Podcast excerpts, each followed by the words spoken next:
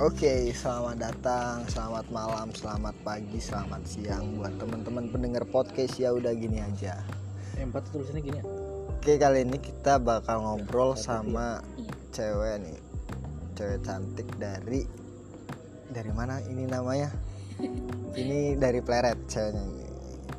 Yang terkenal sama empal gentongnya atau segala macam bentuk kesenian kayak batik, terus ukir juga banyak banget. Boleh diperkenalan dulu deh sama tetehnya namanya siapa? Oke. Kita Halo semuanya. Nama aku Anita. Biasa dipanggil Cimo. Wah. Why? Oke. Cimo, Cimo, Cimorita. Bukan Cimo itu apa sih Cimo tuh sebenarnya? Cimo tuh katanya mah Cina semua ya. Wah.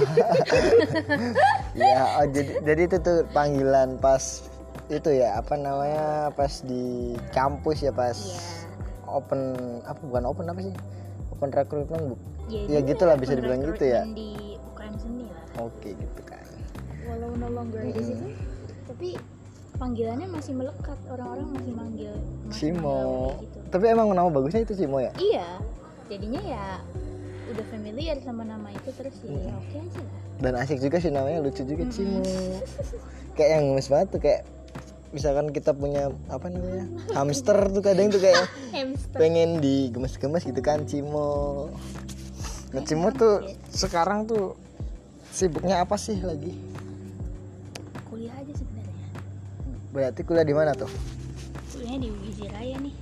jurusannya apa tuh Hukum sih sekarang. Wis jadi Cimo tuh anaknya lau banget Iya gak sih hukum tuh lau, semboyan tuh apa sih di hukum tuh Semboyannya? Iya, biasanya kan ada punya semboyan tuh kayak yang Hmm. kalau di FISIP kan satu, hukum FISIP apa satu. tuh? Eh, kayaknya kita nggak punya. Iya. Ternyata nggak punya, guys. Punya fanchan anjir. Nah, itu kan selain maksudnya Cimo Cimo kan sekarang sibuknya cuman kuliah nih. Mm-mm. Yang kemarin-kemarin kan sering aktif di organisasi juga atau segala macamnya bentuk-bentuk itu. Nah, denger-denger nih Cimo tuh waktu sebelum kuliah atau sebelum apa lah gitu kan pernah ada di kampung Inggris tuh. Iya. Gimana tuh ceritanya bisa nyemplung ke situ? Sebenarnya kenapa Weh. bisa ke situ? Kenapa ini kembali ulang saja? Udah tadi sih mak. Wah. Kok masih bener masih masih masih kok. aman aman aman. Oke. Kirain nggak kerekot guys. Aman dong, aman dong. kerekot Kenapa bisa ke situ? Karena sebenarnya mengisi waktu luang selagi nunggu SBM dulu kan abis baru lulus nih Mm-mm. kita SBM kan mau ke kampus yang dituju lah gitu selagi nunggu itu karena aku nggak punya kegiatan jadinya ke situ dengan niat liburan sambil belajar. Sok produktif banget emang. Wah. tapi kenapa kampung Inggris yang dipilih? Karena basically sebenarnya emang udah suka bahasa Inggris nih dari kecil. Eh, sering di les-lesin bahasa Inggris juga. Oke. private kita dari SMP makanya pas udah gede nih memang punya keinginan buat belajar itu lagi. Karena dulu waktu masih kecil mah belajarnya pasti basic-basic aja gitu. Mm-mm. Jadinya ya selagi ngisi waktu ke situ gitu dan emang iya jadinya kayak belajar sambil liburan karena nggak seformal kita di sekolah gitu kalau di sana Berarti waktu di kampung Inggris itu di kan di Pare itu sekitar berapa lama tuh di situ? Kan tadi ngomongnya cuman liburan gitu kan. Berarti berapa lama tuh? sebenarnya bukan liburan yang kayak kita ya udah jalan-jalan Iya. ke mana-mana ya mm-mm. Niatnya memang belajar juga sambil liburan. Tiga bulanan masa tiga sampai enam bulan. Lumayan lama ya berarti itu kayak semacam bentukan KKN juga tuh. Kalau udah tiga bulan KKN juga sekarang tuh nggak nyampe ke tiga bulan ya? Mm-mm. 40 hari. Iya. Berarti di tiga bulan tersebut tuh pasti banyak kejadian toh yang kejadian-kejadian menarik atau apa ya? Benar benar pernah nga- nga- apa ngalamin gak sih kejadian apa yang paling berkenan gitu tuh? Yang paling berkesan di situ? Mm. kalau dari segi pendidikannya ya di situ kaget. Soalnya sehari itu kita belajar lima kali dan kelas pertama tuh dimulai jam 5 subuh. Wah. Jadi terus karena aku ada di asrama yang dia basicnya apa namanya semi pesantren jadi di situ kita ada Oh. kegiatan agamanya jadi kayak sholat berjamaah ngaji segala macam gitu. Pakai bahasa Inggris tuh. Iya enggak juga ya. Kan surat al-fatihah pakai bahasa Arab dong. Jadi ya gitu. Jadi kelabakan gitu belajar Hmm. jam 5 kadang belajarnya sambil belum mandi gitu kan karena kamar mandinya rebutan. gantian ya iya pastinya. gantian. Nanti ada jeda di jam 6 baru bisa mandi gitu. Terus ya banyak sih sebenarnya yang pengen di- diketahui apa nih? Apa ya mas tujuan dari belajar di situ tuh sebenarnya ke mana sih kenapa bisa disebut kampung Inggris gitu tuh Mm-mm. apakah di dalamnya emang cuman belajar tok atau terus disebar ke daerah mana untuk studi atau Iya, gimana iya, sih iya, iya. Iya, eh, biasanya kalau gitu tergantung sama program yang kita ambil sih Mm-mm. jadi di sana tuh programnya banyak ada juga tuh yang tadi disebar Mm. Kayak kita PPL lah praktek Iya. mengajar gitu itu ada. Tapi dia biasanya kalau ambil kelas yang tutorial program.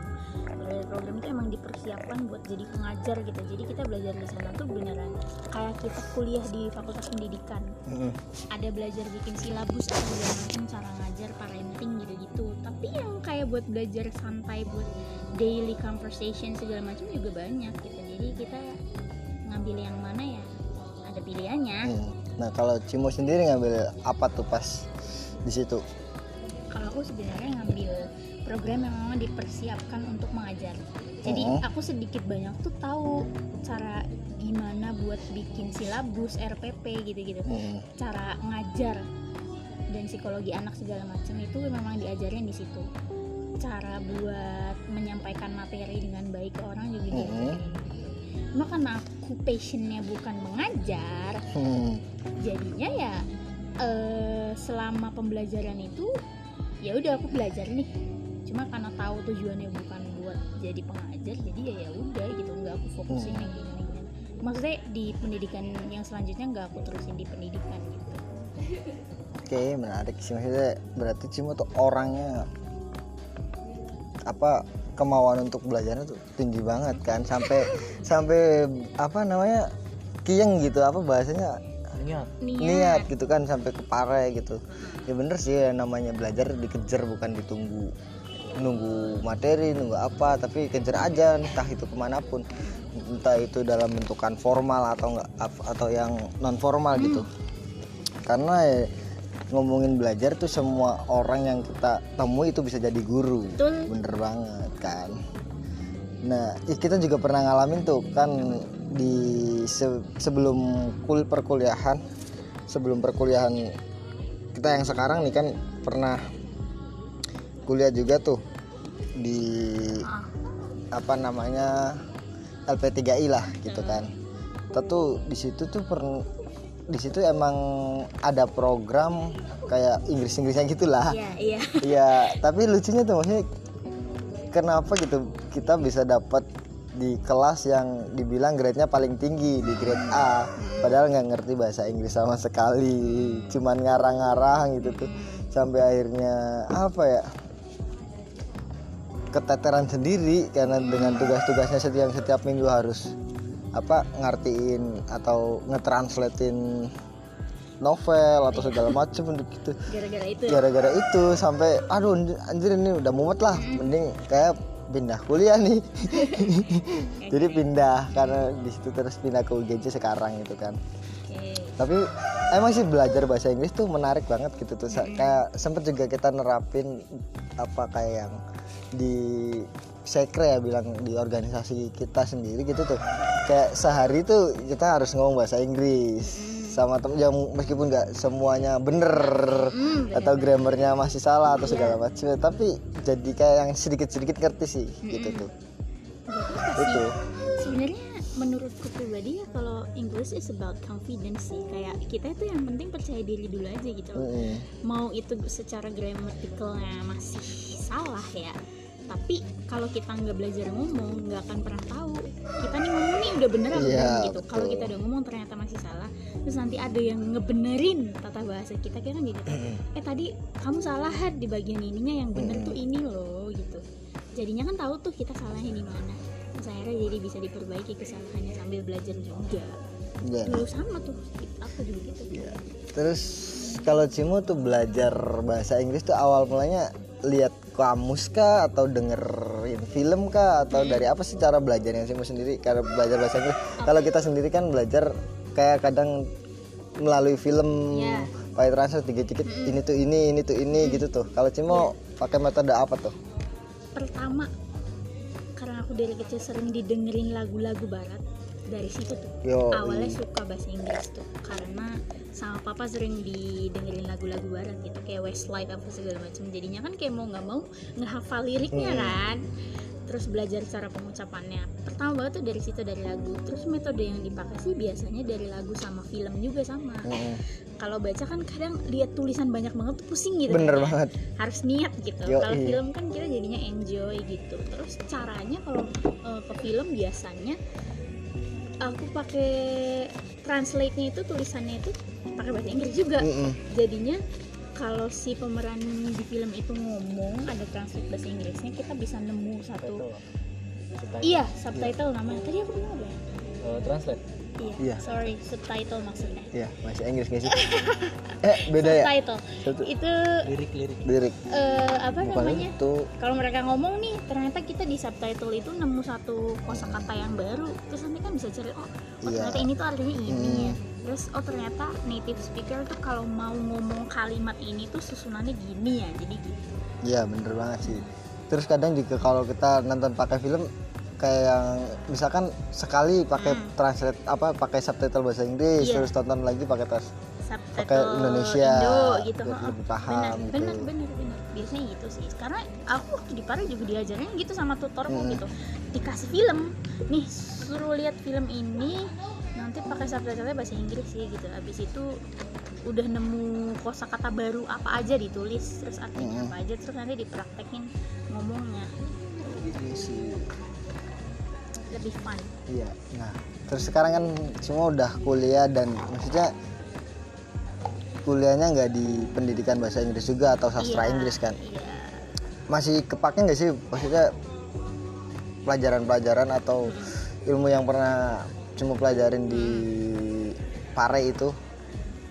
jujur masih kepake gitu karena eh, untuk daily use di rumah tuh aku punya lawan bicara buat Mm-mm. ngomong bahasa Inggris kan abangku kan dia pendidikan bahasa Inggris tuh Oh. dia juga dia juga guru bahasa Inggris jadinya karena punya lawan bicara masih suka ngomong campur atau enggak Mm. kayak full English gitu kalau di rumah tergantung lawan bicaranya siapa terus kepake juga kalau kita mau baca artikel atau jurnal gitu jadi Iya, iya. yang pakai bahasa Inggris kita kan maksudnya jadinya ya paham lah maksudnya gitu loh Mm-mm.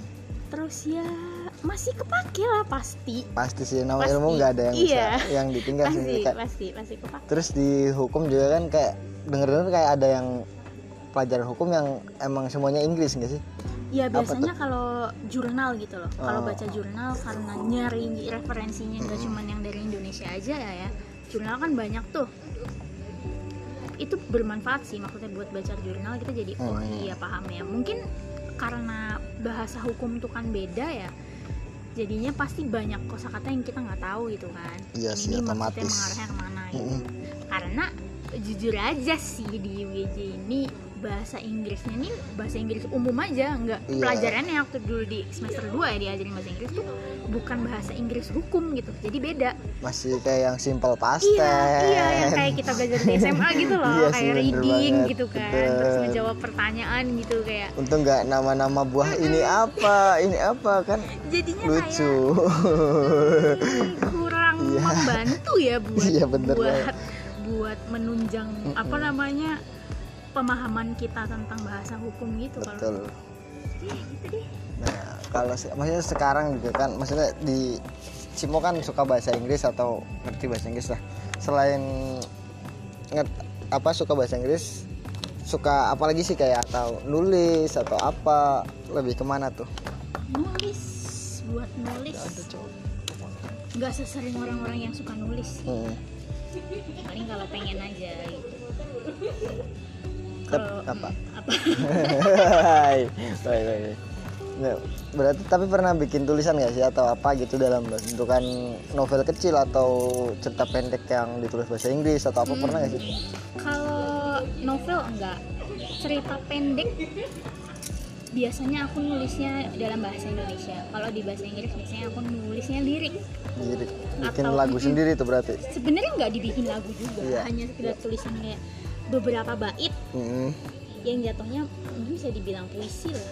Lah ya iya gitu. Oke. jadi hanya beberapa bait terus habis itu udah gitu. Paling kalau ketulisan. Iya sih maksudnya nggak semua orang juga pintar nulis atau bisa nulis lah. Tapi ya ketika punya satu fokus gitu atau punya kelebihan soft skill lah misalnya kayak itu bisa jadi keuntungan buat kita juga gitu. Ketika coba kita ngelamar kerjaan atau apa itu juga sangat berguna banget bahasa Inggris tuh. Apalagi sekarang salah satunya bentuk bahasa Inggris tuh ya jadi bahasa apa? Bahasa dunia ya. Benar bahasa internasional. Bahasa internasional gitu kan. Di Indonesia juga banyak yang pakai juga gitu. Kayak sehari-hari. mm-mm, kayak terus nan- apa misalkan kita coba mau beas coba-coba beasiswa ke luar negeri Iya, atau segala macam itu itu, kayak bermanfaat banget. Nah kalau Cimu sendiri nih itu kan pas di Pare itu tiga bulan berarti Cimu punya apa namanya sertifikat atau sertifikasi nggak sih? ada ada karena ketika lulus tuh kita pasti dari sana dikasih sertifikat gitu loh beserta Hmm. dengan nilai-nilai dari setiap mata pelajarannya ya itu ada ada sertifikasinya gitu karena di sana juga aku belajar TOEFL juga kan maksudnya Wah. eh, sebelum scoring tuh aku belajar ilmunya dulu gitu Iya sih. Ini sangat penting juga sih maksudnya ketika kita belajar terus kita coba apa ya kayak kelas-kelas gitu tuh kalau nggak ada sertifikasi percuma juga sih Percuma menurut ya. yang kalau bisa digunain tapi untuk diri sendiri kayak nggak bisa buat keluar nih kayak Hmm. coba untuk lamar kerja karena di dalam apa ya kita ngerasa sendiri kayak pernah di karena kita fokusnya ke desain gitu kan. Iya. kita juga pernah ngerasain kayak yang sertifikasi desain Photoshop, Corel. Dan untuk ngelamar pekerjaan gitu ketika di bidang itu kita cantumin sertifikasi seperti itu cepet banget dipanggil iya kayak. kepake kan iya kepake banget. Iya, kayak karena emang sertifikasi kan ada nilai dan iya betul. ada scoring gitunya lah segala macamnya jadi emang itu pembu- oh, iya pembuktian lah. bahwa orang ini kompeten nih gitu iya. kan itu sih udah ada kompetensinya udah tahu nih jadinya gitu karena eh tapi ada hmm, tapi kalau gitu tuh ada batas waktunya sih ya maksudnya gimana si itu apa namanya TOEFL iya atau atau sertifikat sekedar itu? sertifikasi itu kalau sertifikat bahasa Inggris yang aku punya tuh nggak ada nggak ada batasnya Mm-mm. tapi kalau TOEFL biasanya ada iya kalau TOEFL mah ya Mm-mm. ada yang kadang TOEFL-nya jadi naik soalnya Iya. atau jadi turun Mm-mm. Heeh.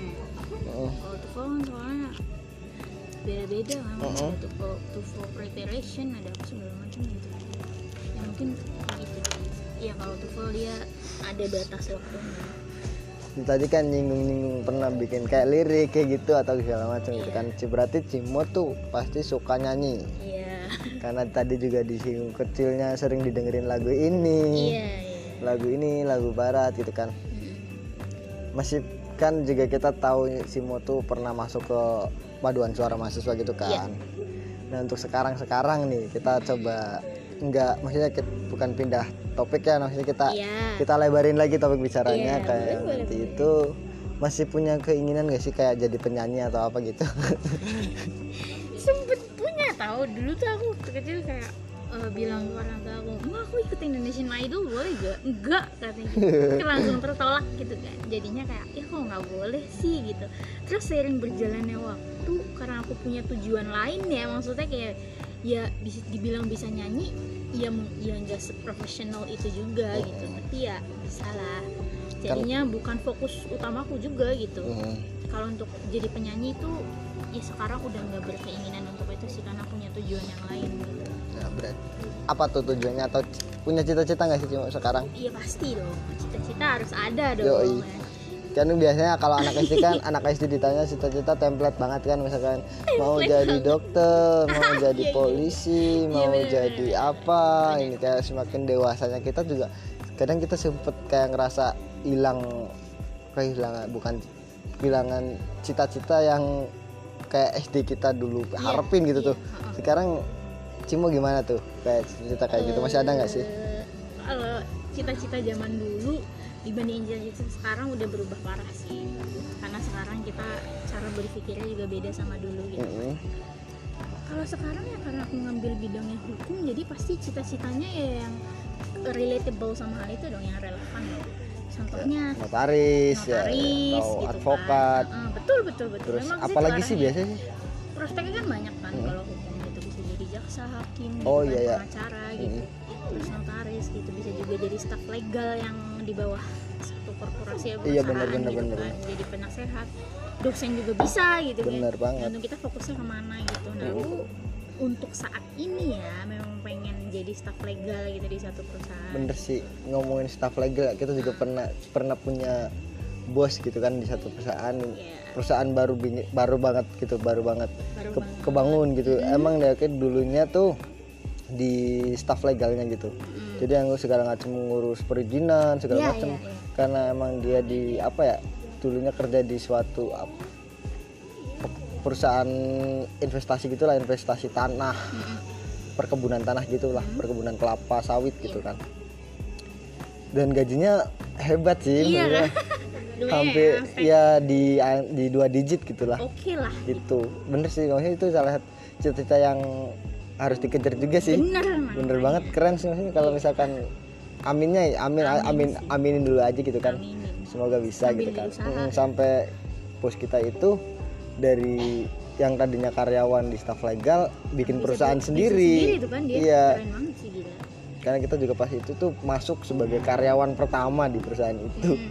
Yang segala macam nyiapin bentukan desainnya bentukan apa pro, company profilnya atau segala macam postingan untuk mendukung semua hal yang berkaitan sama visual sama Iya. marketingnya sih gitu kan menarik sih maksudnya itu kalau yang ngomongin apa staff legal gitu tuh maksudnya Mm-mm. jadi Kayak kita tahu semua kayak seluk beluk harus gimana ngapain apa segala macam gitu kan benar-benar apa yang dibutuhkan sama Mm-mm. Tapi berarti kalau untuk jadi staff legal gitu tuh harus ada lanjutan studi lagi atau gimana sih as far as I know ya sejauh yang kita tahu mah eh, dulu kakak iparku pernah kerja di salah satu perusahaan BUMN terus dia Mhm. masuk jadi staf legal dia S1 sih dan masih bisa masuk situ gitu Mhm. karena kan di staf legal juga kan ada jenjang karirnya kan iya pasti gitu.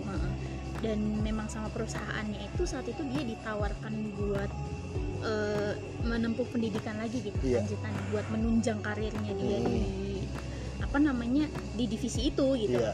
Jadi ya S1 masih bisa sebenarnya. Masih bisa. Hmm, kayak yang kalau misalkan notaris kan kayak harus kuliah lagi nggak sih? Iya S2 kenotariatan Mm-mm. gitu kan. Nanti ngurusin sertifikasi segala macam Tanah, perizinannya perizinan, perizinan untuk jadi apa namanya? Notaris itu kan ada ini ada izin. Dan PR ya itu juga lumayan mahal juga kuliahnya Iya. tuh. Iya. kayak misalkan mau bikin bentukan notaris sendiri juga kan harus persetujuan iya. ab- ada komunitas atau apa sih itu biasanya apanya?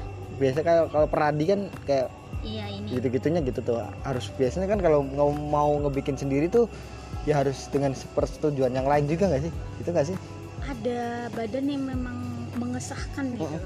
Ada badan satu badan yang mengesahkan profesi itu Wow. kayak ya sama aja sama dokter gitu kan iya kan dokter juga Mm. kalau ngomongin dokter itu lebih parah lagi menurut iya kita gitu ya kan kurang lebih nggak beda jauh gitu. Mm-mm. iya sih kalau misalkan Cimo mau ke staf legal itu salah satu cita-cita yang keren sih maksudnya iya yang Hmm. menurutku ya sebenarnya bukan effortless juga ya tapi apa dibandingkan untuk misalnya jadi jaksa itu kan proses untuk menuju situ kan sulit banget gitu Sulit. kan di pemerintahan itu kan sulit dong Dan- harus PNS dulu apa Mm-mm. segala macam Mas dan nggak ngebutuhin ke banyak banget orang gitu kan maksudnya iya kalau di tuh sedikit, gitu loh, sedikit bisa dengan masuk ke situ tuh. tap- tapi banyak orang yang keping, keinginannya tuh ya banyak di hal itu jadi Iya. saingannya banyak juga Mm-mm, kalau di staff legal ya setiap perusahaan pasti butuh, Butuh. butuh gitu tuh sama Bener. aja kayak orang IT iya setiap perusahaan pasti ngebutuhin itu gitu Mm. buat menunjang. Ya kali nggak punya kan nanti perusahaannya bingung tuh ilegal iya tuh jadinya. dong benar benar benar. Kan gitu. Mm-mm. ya jadi gitu deh. Ya oke. Mungkin karena waktunya juga udah hampir setengah jam gitu kan. Oke. Mm-mm. mungkin pembicaraan kayak sekarang ya disudahin dulu atau cuma ada kata-kata nggak sih atau apa karena di podcast saya udah gini aja tuh biasanya di ending tuh kita selalu kasih kata-kata buat para pendengar gitu kan. Nah boleh nih tapi pakai bahasa Inggris. Apa tuh? Apa ya? Oke. Kayak learn as well as we can gitu. Art- artinya artinya? belajarlah sebaik mungkin yang kita bisa karena nggak ada nggak ada kata tua loh buat belajar itu. Oke bener banget. Sip kalau dari aku sendiri nih coba bahasa Inggris nih. Apa ya?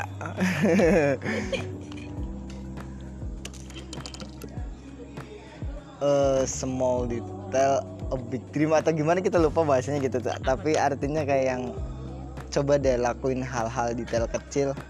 Mungkin dari dari detail-detail kecil itu Mm-mm. kita bisa men- kita bisa membuat mimpi kita menjadi besar gitu tuh yes kayak Tuh, Bang. small things matter gitu Yo, itulah. Oke, buat para pendengar, sampai jumpa kembali di podcast ya udah gini aja. Semoga kalian bahagia dan semoga kadar bahagia kalian tetap tetap bahagia dan semakin meningkat kadar bahagianya. Sampai jumpa, selamat malam guys.